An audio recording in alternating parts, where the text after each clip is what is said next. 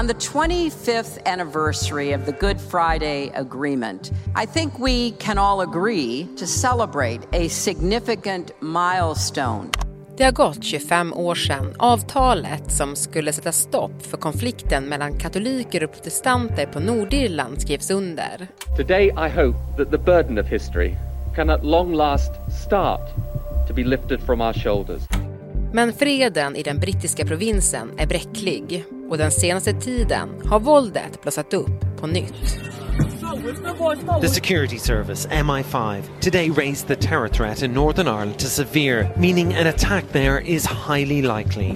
På en kvart får du veta varför våldsspiralen fortsätter och varför en återförening mellan Nordirland och Irland nu kan vara närmare än någonsin. Det är onsdag den 19 april. Det här är Dagens Story från Svenska Dagbladet med mig, Alexandra Karlsson och idag med Charlotta Backstone, SVDs reporter i London.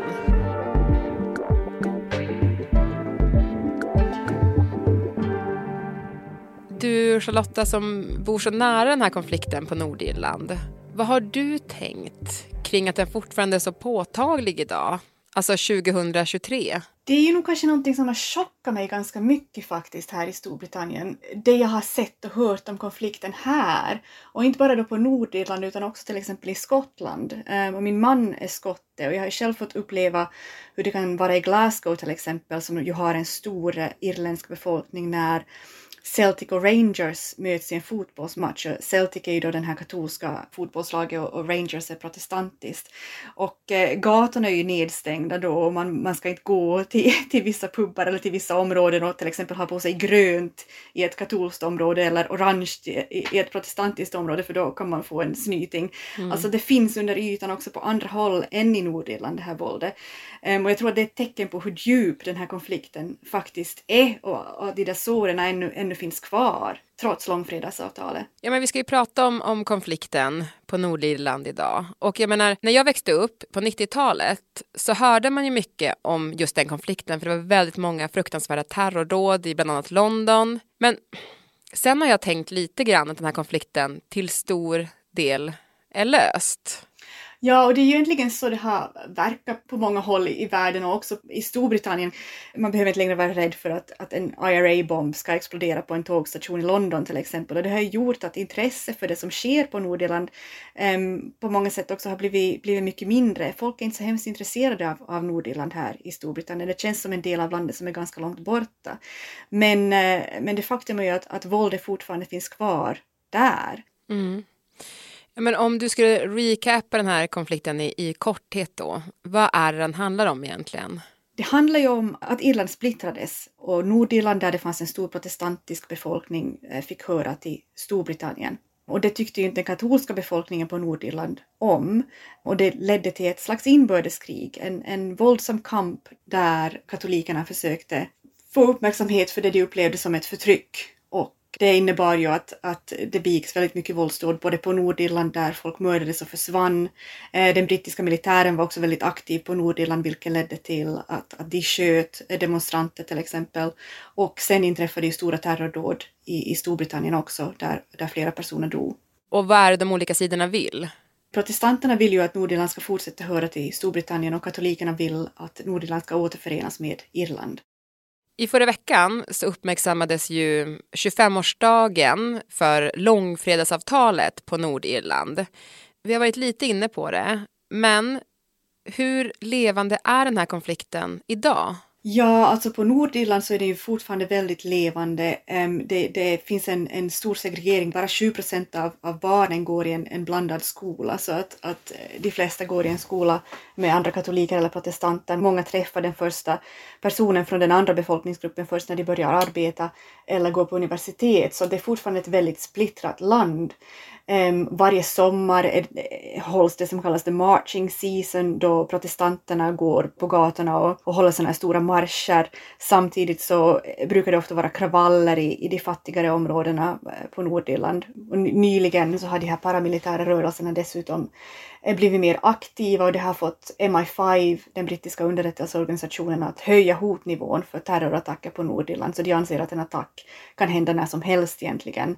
Och eh, bara för några månader så, så sköts en, en polis och en utbrytarrörelse med kopplingar till IRA, alltså en katolsk terrororganisation, så tog på sig ansvaret för den här attacken. Så att våldet finns där, eh, ibland under ytan men ibland så, så blossar det upp igen. Och varför har det blossat upp igen nu då? Det beror väl på att, att det, det är den här årsdagen av 25-årsavtalet. Men, men ofta så brukar det blossa upp på somrarna helt enkelt därför att det är många ungdomar som, som är aktiva och, och det man säger att de, när skolorna tar ledigt på sommaren så har de inte så hemskt mycket att göra. De är uttråkade och det de gör är att det blir liksom upplopp och kravaller. Det, det är ungefär så det har sett ut de senaste åren efter långfredagsavtalet. Men om det då är de här unga, jag menar de, de har ärvt konflikten då, eller hur ska man förstå det, om, om de är drivande? Det är ju det som är så intressant att så många av dem har ju fötts efter det här fredsavtalet. Men det experter på Nordirland säger att de menar att det som lever kvar nu är sådana här halvkriminella skuggrörelser. Det är lite så liksom som gängkriminalitet, att de uppmuntrar de här ungdomarna att ge sig in i den här konflikten och ge sig in i våldet. Det ger ungdomarna en slags identitet, det ger dem någonting att göra, någonting att sträva mot i områden där det fortfarande finns en, en utbredd fattigdom. Men den här konflikten skulle ju då ha fått sitt slut med långfredsavtalet.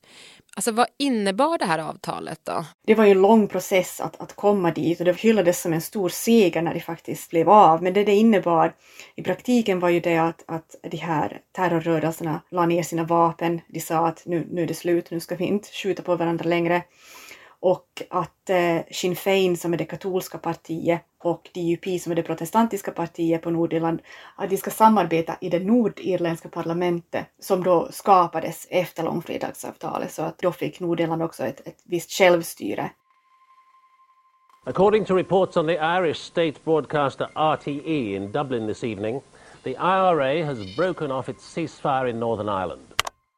Det är 1996 och den irländska republikanska armén, IRA, ska snart ge sin 17 månader långa vapenvila ett blodigt slut. På flaket till en blå Ford Cargo placeras en massiv bomb med destination Docklands, ett tätbebyggt område i östra London. Det är 90 minuter kvar när IRA skickar ut en varning. The text of the IRA statement says that the complete cessation would end at 6 o'clock this evening. Men trots varningen är det många som inte hinner undan när bomben exploderar. Ett hundratal skadas och två personer dör i dådet. Fram till 1972 styrdes Nordirland av en protestantisk majoritet som diskriminerade den katolska befolkningen. När en fredlig medborgarrättsrörelse började kräva lika rättigheter möttes de av våld från protestanter som såg sin maktställning hotad. Det här utlöste en 30 år lång våldsspiral mellan IRA, som stred för ett enat Irland, och protestantiska paramilitära grupper som ville behålla banden till Storbritannien. Hej, I'm Ryan Reynolds. At Mint Mobile, we like to do the opposite of what Big Wireless does. They charge you a lot, we charge you a little. So naturally, when they announced they'd be raising their prices due to inflation, we decided to deflate our prices due to not hating you. That's right. We're cutting the price of Mint Unlimited from $30 a month to just $15 a month. Give it a try at mintmobile.com slash switch. $45 upfront for three months plus taxes and fees. Promo for new customers for limited time. Unlimited more than 40 gigabytes per month. Slows. Full terms at mintmobile.com. De här konfliktåren, de kallas ju för the troubles. Är inte det ett ganska kraftigt understatement på en väldigt blodig konflikt? Absolut. Och det är ju någonting som eh, är ett enormt trauma för många av dem som, som bor på Nordirland och som har vuxit upp där. Det finns många som fortfarande inte vet vad som har hänt med deras släktingar som försvann, som fortfarande inte vet vem som har mördat barn som, som också dog i, i olika attacker och, och terrordåd och många som, som växte upp på Nordirland, alltså som, som nu är i 30-40-årsåldern, så, så har fortfarande minnen av att deras bilar stoppas av polisen som ska genomsöka familjebilen om det finns vapen eller sprängämnen eller någonting sånt där, eller att familjemedlemmar hamnar i fängelse eller, eller då kidnappas eller misshandlas och försvinner. Det finns fortfarande en, en rädsla där att om du är en protestant kan du till exempel inte gå och ta en öl i en katolsk pub eller vice versa. det var ju ett slags inbördeskrig mm. inom Storbritannien. Och de där såren har ännu inte, inte lekt. Det har inte funnits en sån här um, process inom landet eh, som har på något sätt lyckats få dem att behandla det här traumat. Sen var det ju enorma terrorattacker också i, i Storbritannien och en, en stor rädsla här för att kommer det att spränga en bomb på en, en tågstation eller um, Eh, de, de förstörde ju eh, Docklands i östra London, en, en stor bomb sprängde upp flera kvarter där och jag, jag pratade med, med överlevare som berättade om hur fruktansvärt det var. Ehm, jag pratade med en man som arbetade som en säkerhetsvakt i området och han kom ihåg hur han slungades flera meter i luften och, och trodde att han skulle dö. Manchester centrum förstördes i en terrorattack. Så att det var frågan om en väldigt allvarlig och blodig konflikt. Mm. Och nu har det ju firats då det här fredsavtalet, långfredsavtalet. Men som vi varit inne på, problemen är ju fortfarande väldigt stora. Alltså just nu råder det ju total låsning i det nordirländska parlamentet och det går inte att styra landsdelen. Alltså varför har det blivit så? Det handlar ju egentligen om Brexit och Brexit har ju ställt till eh, mycket problem för, för Nordirland och Nordirland har ställt till problem för Brexit. Och det beror ju på att ingen ville ha en så kallad hård gräns eh, mellan Irland och Nordirland eftersom alla visste att det skulle kunna få den här konflikten att blossa upp igen på ett våldsamt sätt. Och det här var ju någonting både EU och USA, bland annat president Biden, satte sig väldigt, väldigt hårt emot. Men det har istället inneburit att det nu finns en gräns mellan Storbritannien och Nordirland, så att varor som skickas från Storbritannien till Nordirland måste gå genom tullkontroller och sånt här. Och det är någonting protestanterna på Nordirland inte alls gillar eftersom de upplever att det blir en splittring mellan Nordirland och, Storbritannien och att det här också kan vara en början på en slags återförening av Nordirland och Irland. Mm. Och därför har det nordirländska protestantiska partiet DUP dragit sig ur samarbete i parlamentet i Nordirland. Um, och det innebär att de inte haft en egen regering på ett år nu. Ja, så hur, vem styr eller vad sker? Ingen. Um, och det är ju det är ju London som i så fall måste eh, ge sig in i nordirländsk politik igen och det är ju ingenting man vill göra i Westminster eftersom det är ju meningen att det ska vara så efter långfredagsavtalet alla politiker vill ju nu att, att det här samarbetet inom Stormont, det nordirländska parlamentet, ska, ska återupprättas. Så det är ju någonting eh, Rishi Sunak, den brittiska premiärministern, och Joe Biden och all, alla möjliga personer har försökt uppmana de nordirländska politikerna att, att, att samarbeta igen. Du, Joe Biden var ju i Nordirland förra veckan. Just nu pågår en konferens där med bland annat makarna Clinton som handlar om Nordirlands framtid. Och då Charlotta tänkte jag ställa den stora frågan. Hur ser Nordirlands framtid ut egentligen? Mm, det är en bra fråga ehm, och ingen vet ju egentligen eh, hur det kommer att gå. Men mätningarna visar nu att det många länge trodde att var helt omöjligt kanske ändå inte är så omöjligt. Alltså att det kan inom vår livstid um, blir frågan om en återförening av, av Irland och Nordirland.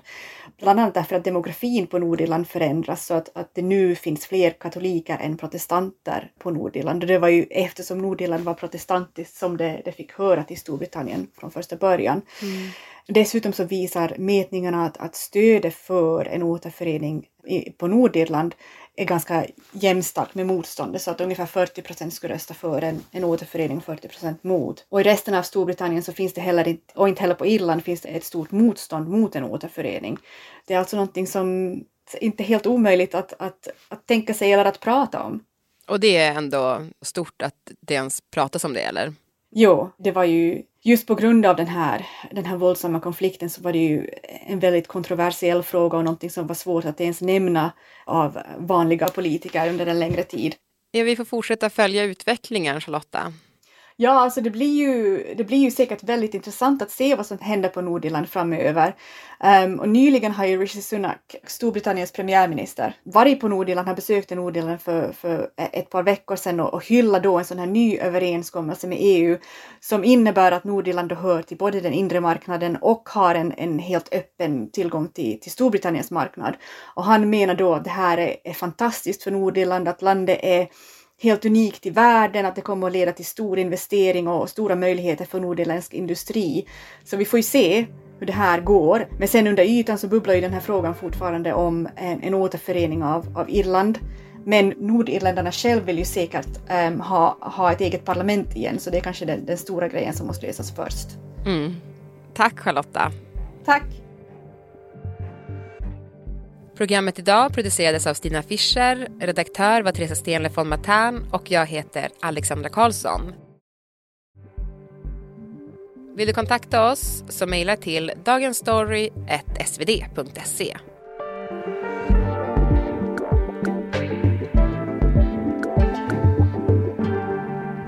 Klippen i programmet kom från BBC, CNN, The Guardian, Sky News, The Economist och AP. Och musiken var Zombie med The Cranberries.